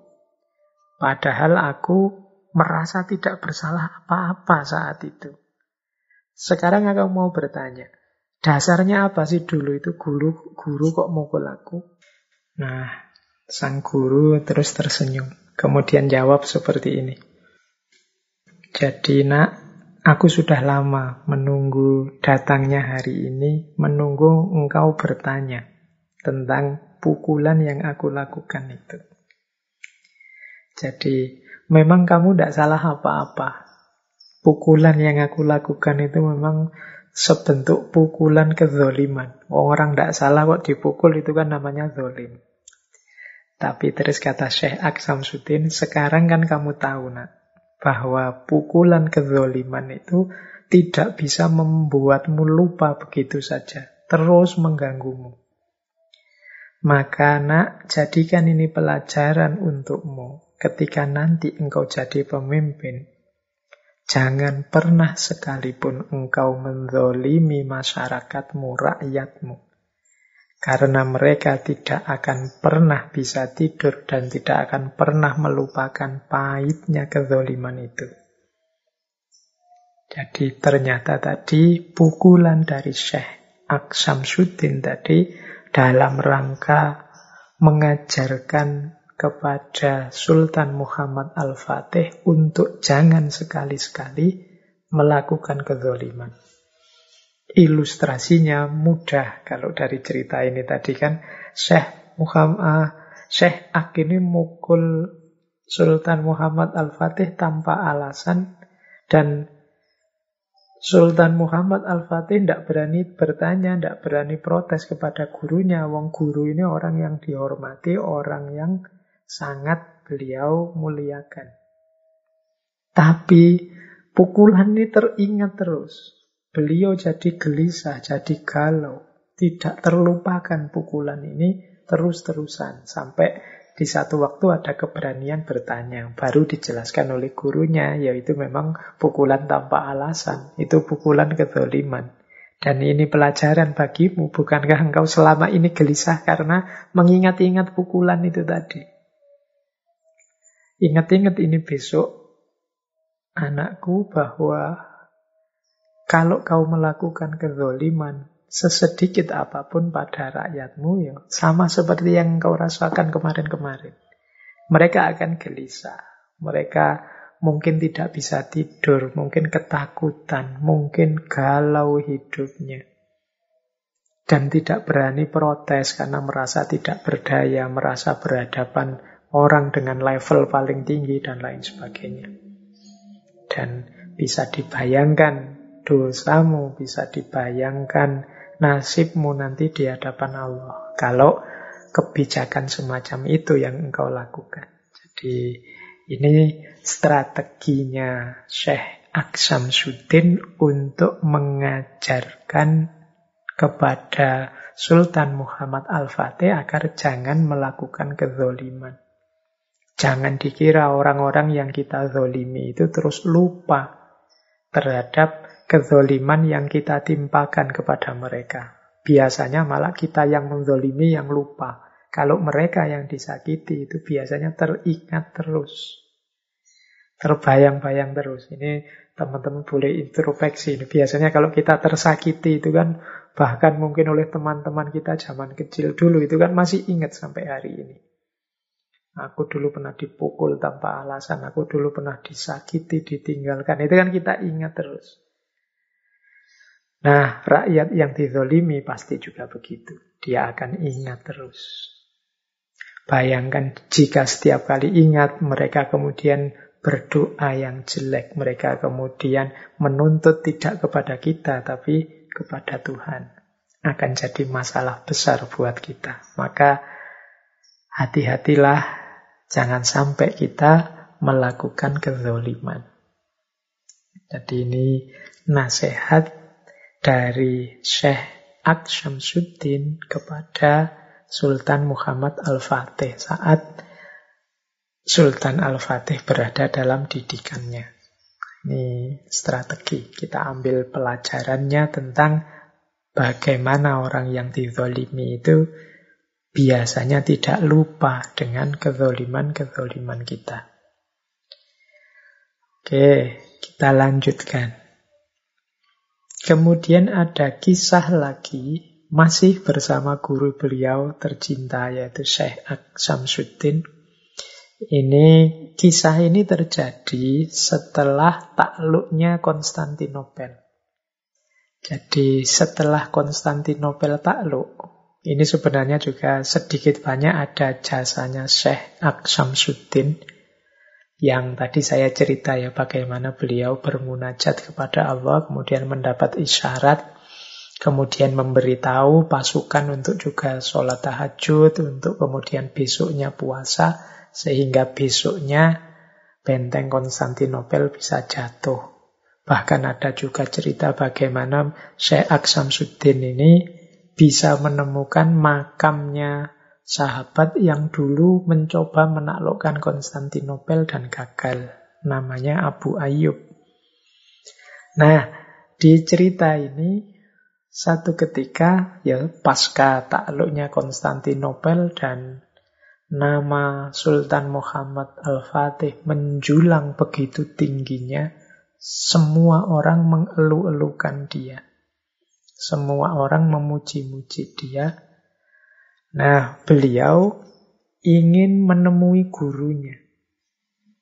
Ternyata malah saat itu Syekh Aksamsuddin tidak mau ditemui.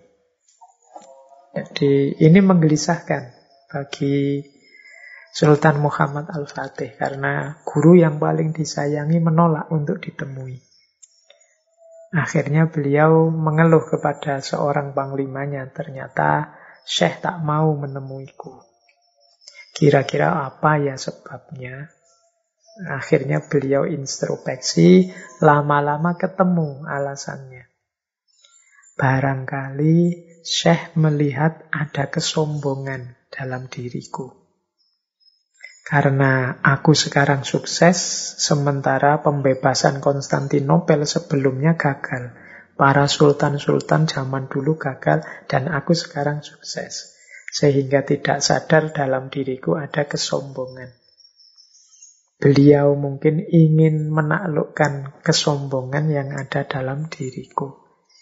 Jadi ini didiamkan oleh gurunya, itu pun beliau mampu membaca maksudnya gurunya. Ini selain guru yang luar biasa, juga murid yang luar biasa. Jadi dalam kisah ini ada nasihat, kita itu harus, kalau bahasa Jawanya, eling lan waspodo, tidak hanya saat berjuang atau saat gagal mencapai cita-cita, tapi juga saat sukses. Saat kita berhasil, saat kiri kanan orang muji-muji kita, saat banyak orang mengeluh-elukan kebesaran kita, tetap kita jangan larut, jangan hanyut, tetap waspada dan tetap eling. Karena betapapun capaian-capaian dunia itu, yang pertama dia bukan karya kita sepenuhnya, tapi pasti pertolongan Allah. Kemudian yang kedua, itu pun sifatnya sementara, tidak selamanya. Wong hidup ini dinamis naik turun. Jangan sampai setelah kita jingkrak-jingkrak kesenangan, tidak lama lagi kemudian jatuh tersungkur, tidak ada yang menolong.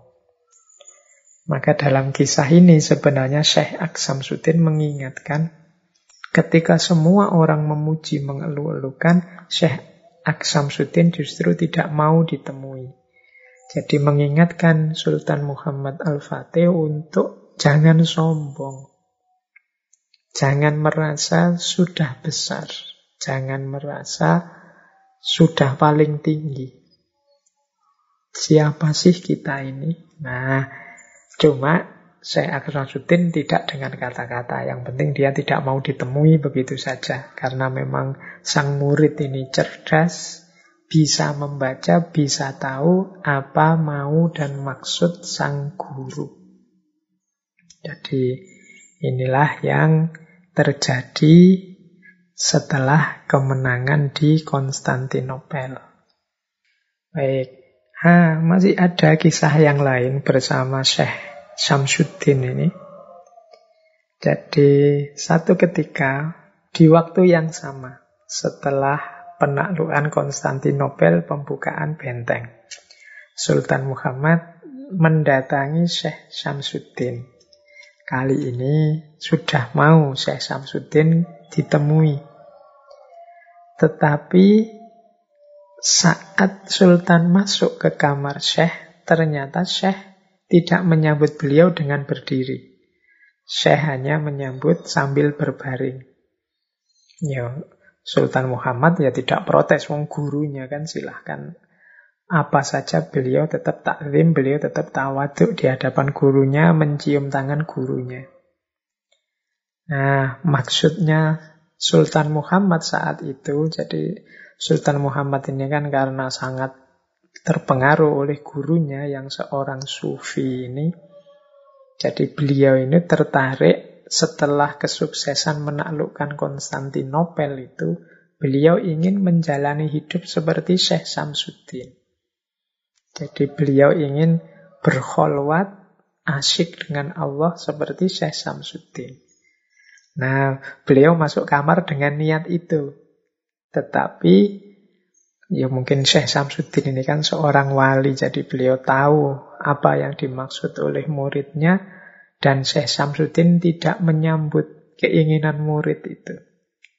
Dan benar ketika Sultan menyampaikan maksudnya, Syekh, aku ingin berkhalwat sebagaimana Anda.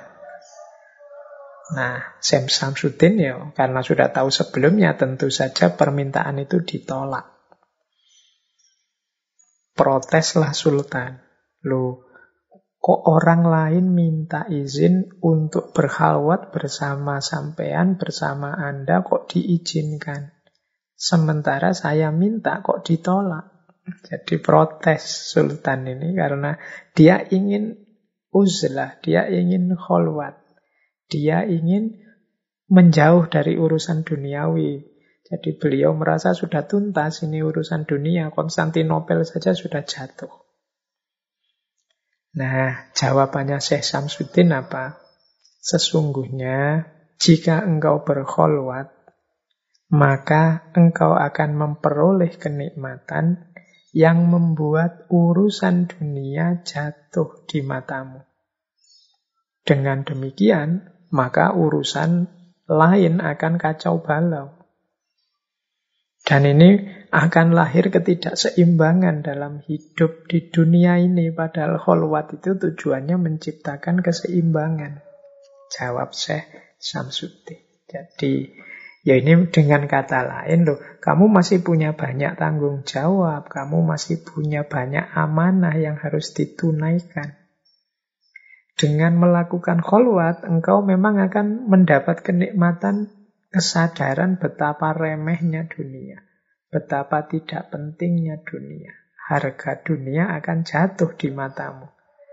Tapi kalau engkau yang raja, yang jadi puncak pimpinan, mentalnya seperti itu, maka akan banyak urusan yang tidak tuntas, akan kacau negara ini.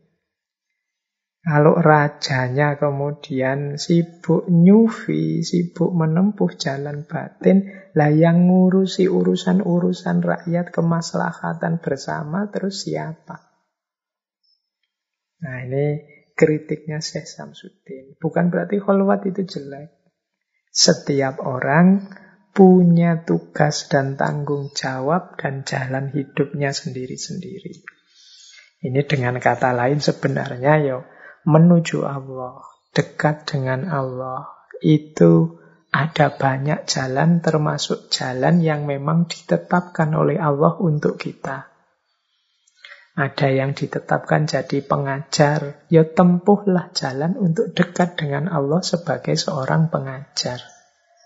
Misalnya kita ternyata jalan hidup kita sebagai petani, ya sudah, kita menjalankan amanah menjadi petani itu sebaik mungkin dan kita jadikan pertanian itu sebagai bekal kita untuk semakin dekat dengan Allah. Mungkin ada yang mendapat amanah dagang, perdagangan. Yuk kita jadikan perdagangan itu sebagai jalan kita untuk semakin dekat dengan Allah. Sebagaimana Sultan Muhammad Al-Fatih, ya karena beliau raja, silahkan dijalankan amanah sebagai raja secara adil dan itu akan bisa menjadi jalan untuk semakin dekat dengan Allah. Jadi tidak harus persis sama seperti yang dilakukan oleh orang-orang tertentu yang memang oleh Allah diistimewakan untuk bisa hidup tidak melakukan apa-apa hanya untuk Allah saja. Jadi ini kalau teman-teman membaca kitab Al-Hikamnya Ibnu atau Ilah, ya, di situ kan dijelaskan ya manusia itu ada yang makomnya makom tajrid, ada yang makomnya makom asbab. Yang tajrid ya silahkan berjalan di jalan tajrid, yang masih asbab ya berjalan lewat jalur asbab. Asbab itu makom yang masih hidup dengan memedomani sunnatullah sebab akibat. Kalau ingin kaya ya bekerja, kalau ingin membantu orang lain ya sodako, dan lain sebagainya. Ini masih makom asbab. Masih terikat oleh sunnatullah hidup duniawi. Nanti ada orang-orang yang memang makomnya tajrid. Hidup hanya untuk Allah saja. Dia tidak peduli kebutuhannya, dipasrahkan pada Allah.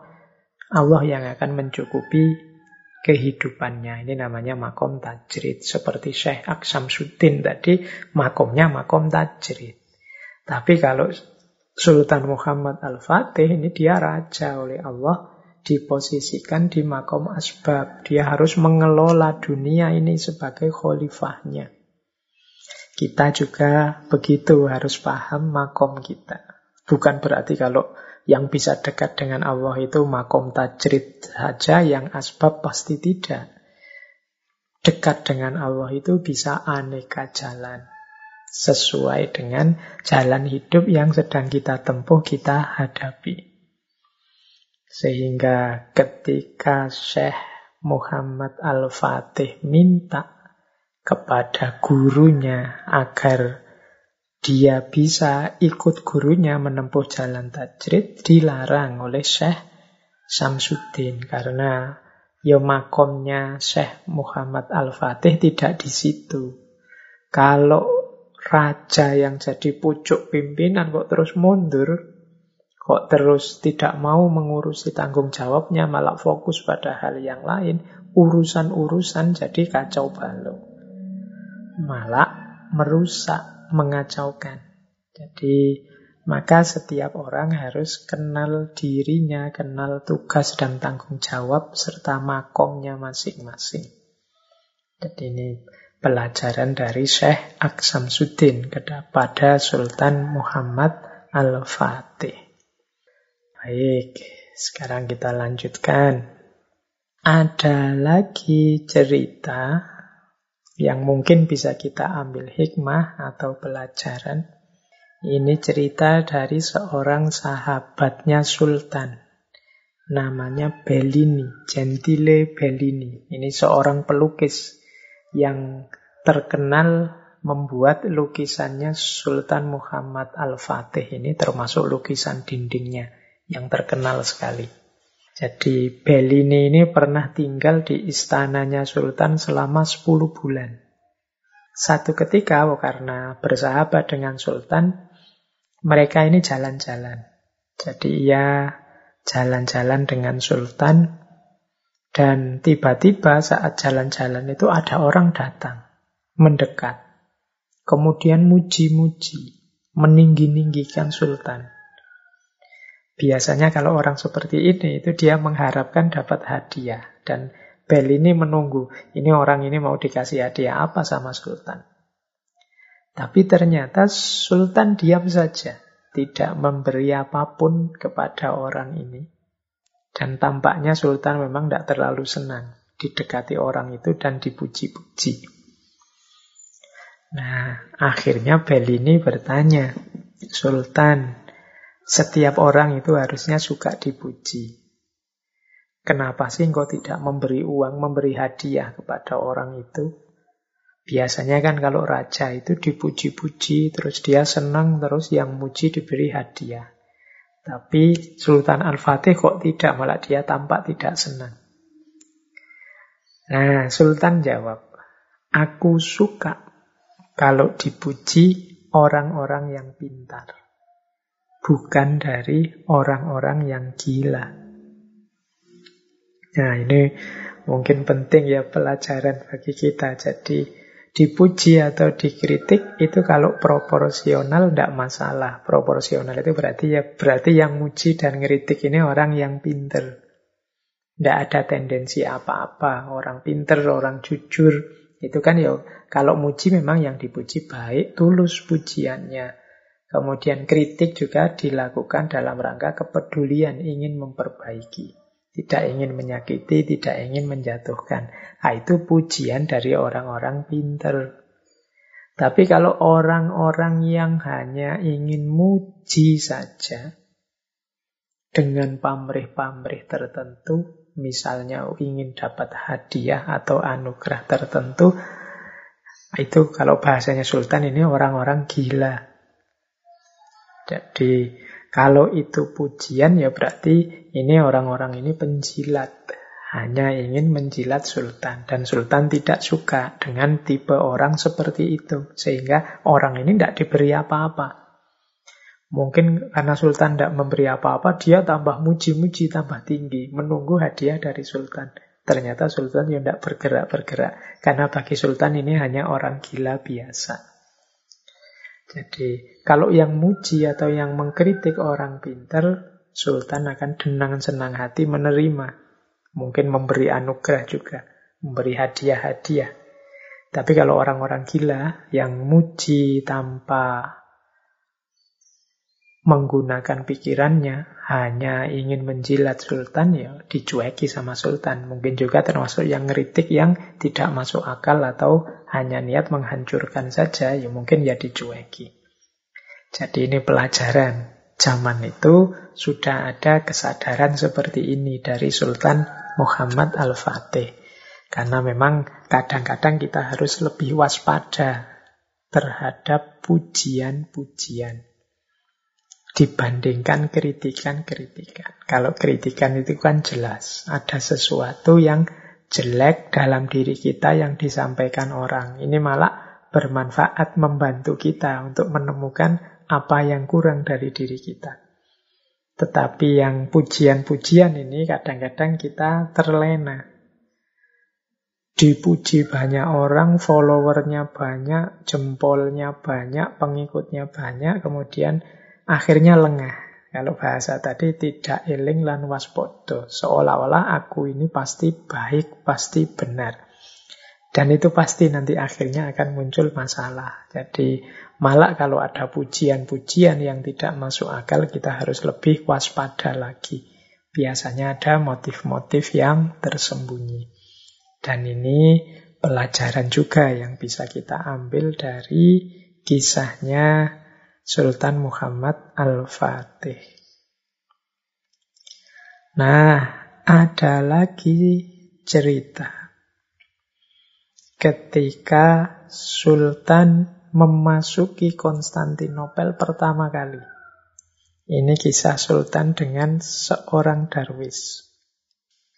Darwis ini biasanya, ini kalau secara terminologi ya, Biasanya orang yang menempuh jalan sufi. Biasanya para murid-murid torekot, orang-orang yang meninggalkan dunia untuk menempuh jalan spiritual. Jadi ini masyur kalau di Persia dan juga di Turki istilah tentang darwis. Nah, saat Sultan memasuki Konstantinopel pertama kali, tiba-tiba datang seorang darwis. Jadi ini orang yang sufi yang niatnya meninggalkan dunia. Orang ini tiba-tiba maju ke depan sultan, memegang tali kekangnya kudanya sultan, kemudian memerintahkan sultan untuk menghentikan semua iring-iringan. Jadi ini pemberani biasanya memang sufi itu kan tidak takut dengan apalagi raja. Kemudian dia berkata begini, wahai sultan, jangan lupa. Jangan lupa bahwa hanya karena karunia doa-doa dari kami, para darwis inilah kota Konstantinopel ini berhasil ditaklukkan. Sultan kemudian tersenyum, terus mengangguk, kemudian mengangkat sedikit pedang yang ada di pinggangnya, diangkat separuh sambil beliau berkata seperti ini. Engkau benar wahai Darwis, tetapi jangan lupa hak dari pedang ini. Jangan pula engkau lupakan. Ini.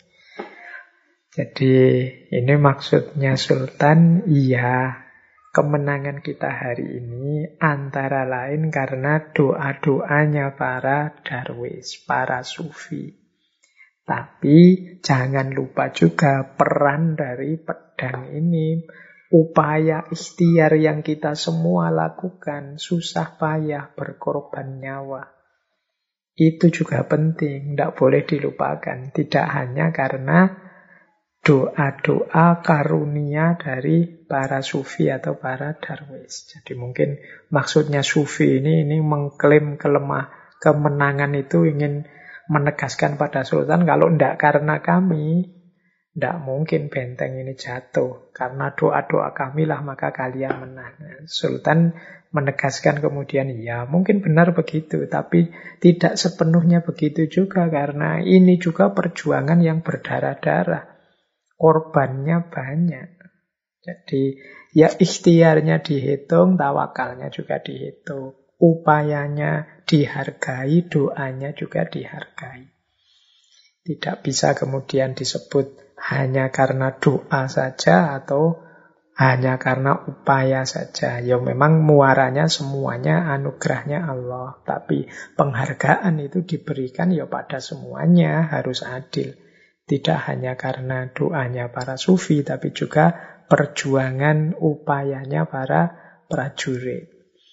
Jadi ini pelajaran juga bagi kita. Kadang-kadang kan kita ini agak ekstrim. Kalau tidak ekstrim di upaya, ya ekstrim di doa.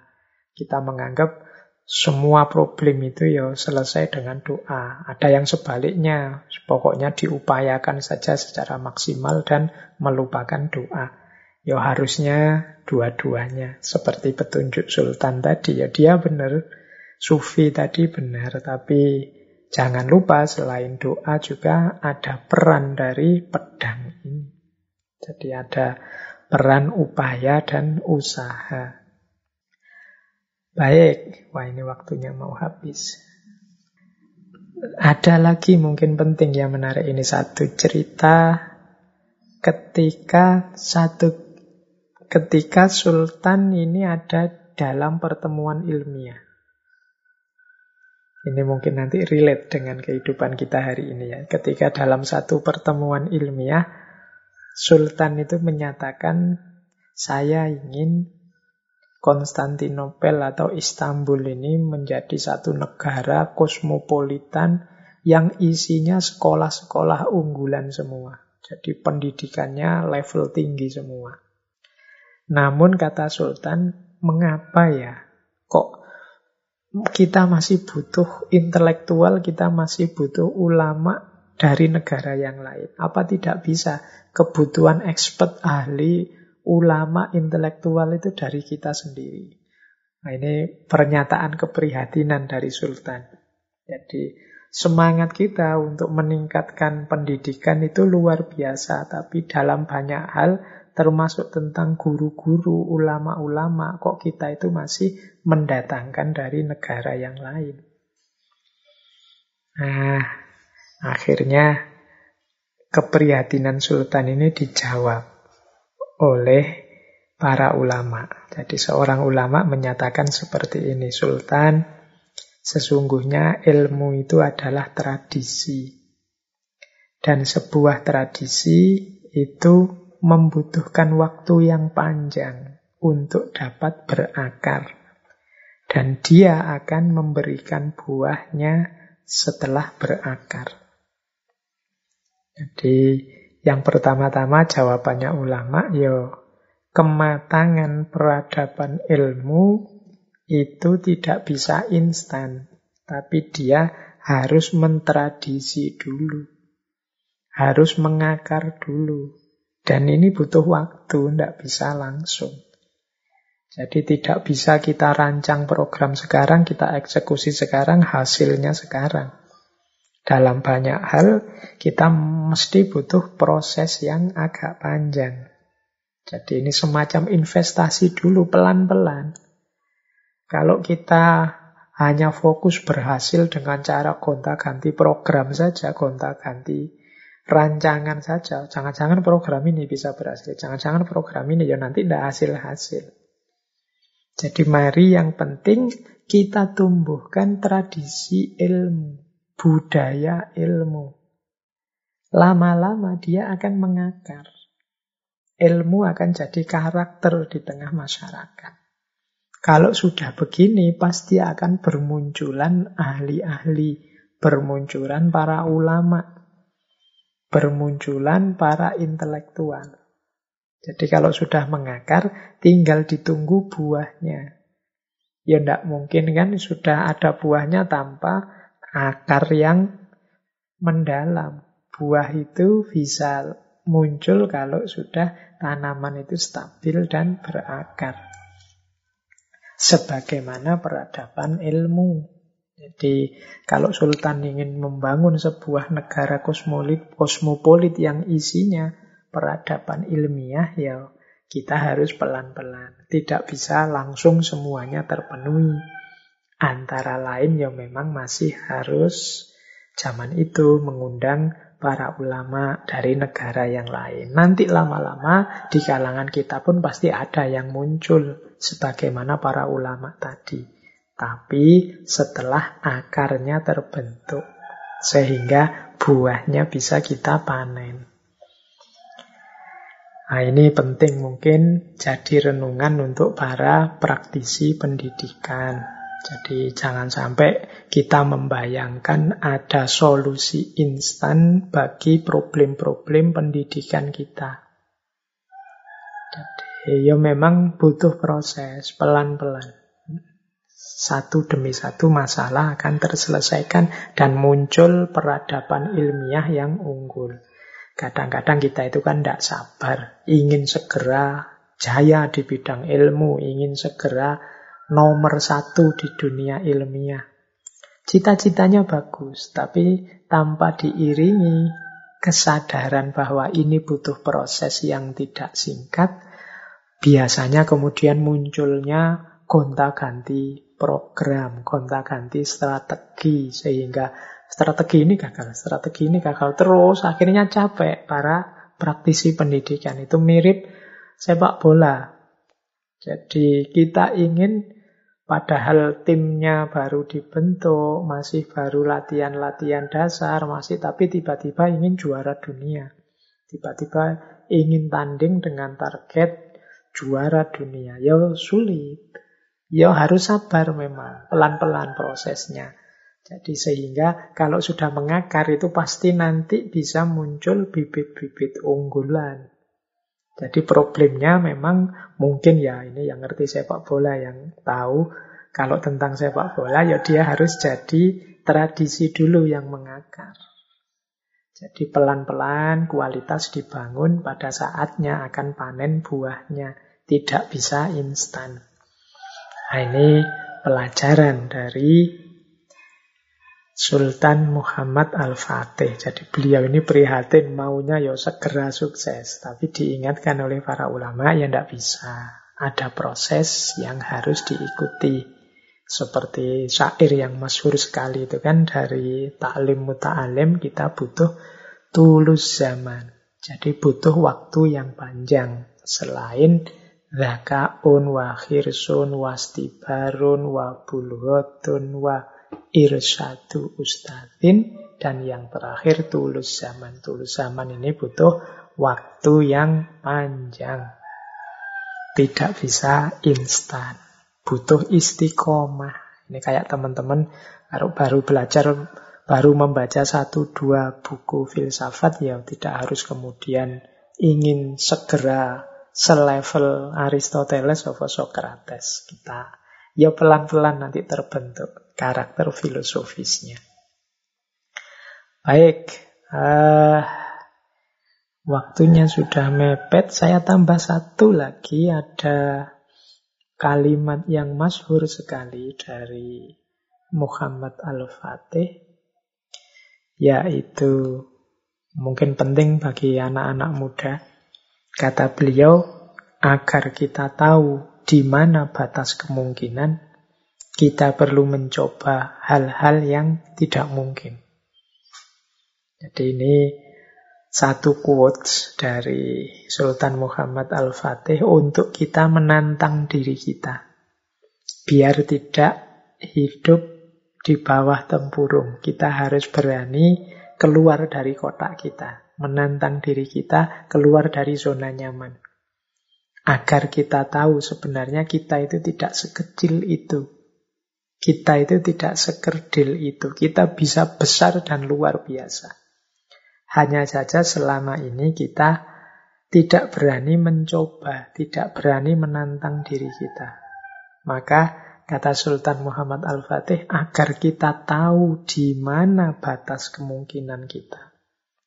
Jadi di mana batas kita mampu atau tidak mampu, jangan dikira-kira, dicoba saja. Kalau memang gagal berarti kita belum mampu, bukan berarti tidak mampu. Diulang lagi, nanti bisa jadi terlampaui ke ketidakmungkinan itu. Kita itu sering terhambat tidak melakukan sesuatu karena prediksi-prediksi kita sendiri tentang batas kemungkinan, batas kemampuan kita. Padahal batas kemampuan kita itu ya sejauh kita mau mencoba lagi, sejauh kita mau belajar terus, dia akan semakin meluas, semakin meluas. Tidak ada batas eksaknya. Jadi Maka penting bagi kita untuk terus mencoba, terus mencoba. Meskipun semula rasanya kok berat ya, rasanya tidak mungkin ya, coba aja. Dan nanti kalau memang berhasil itu rasanya luar biasa. Capaian yang membanggakan sekali. Yang semula kita anggap tidak mungkin ternyata bisa kita lampaui. Jadi penting untuk perkembangan diri kita, untuk mengukur batas kemampuan kita, agar kita senantiasa berjuang, berusaha melampaui batas apa yang kita anggap semula sebagai tidak mungkin. Mari kita coba. Jadi ini rahasia dari mengapa cita-cita itu harus kita gantungkan setinggi langit. Jangan rendah-rendah saja, nanti tantangannya kurang. Jadi kalau cita-citanya jadi presiden misalnya, seandainya meleset-meleset kita berjuang mati-matian jadi presiden, meskipun meleset kan paling dapat bawah-bawahnya sedikit.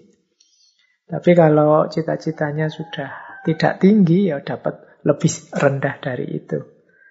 Sehingga saran dari Sultan Muhammad Al-Fatih ini ya menurut saya penting. Beliau tidak akan mampu menaklukkan Konstantinopel kalau mengikuti mungkin orang yang bilang, wah tidak mungkin, atau wah kamu masih terlalu muda. Wah, nah, dia mungkin tidak jadi menyerang Konstantinopel. Tapi beliau ingin nyoba. Jadi menantang dirinya sendiri. Dengan keyakinan kuat, sebenarnya aku bisa kok. Dan ternyata memang bisa. Jadi mari kita hidupkan semangat bahwa sebenarnya aku bisa. Kemudian ya waktunya sudah habis. Saya tambah satu lagi. Ini salah satu wasiat dari Sultan Muhammad Al-Fatih kepada putra beliau nanti Bayazid yang nanti jadi sultan selanjutnya Bayazid Asani, Bayazid kedua ada pesan panjang sebenarnya kepada Bayazid ini, tapi ringkesnya begini. Sultan berpesan, wahai anakku, dekatlah dengan para ulama, berbuatlah adil, jangan tertipu oleh harta, hidupkan agama dalam diri pribadi, masyarakat, serta kerajaan. Ini mungkin kunci-kunci penting ya sebagai seorang pemimpin, apalagi raja.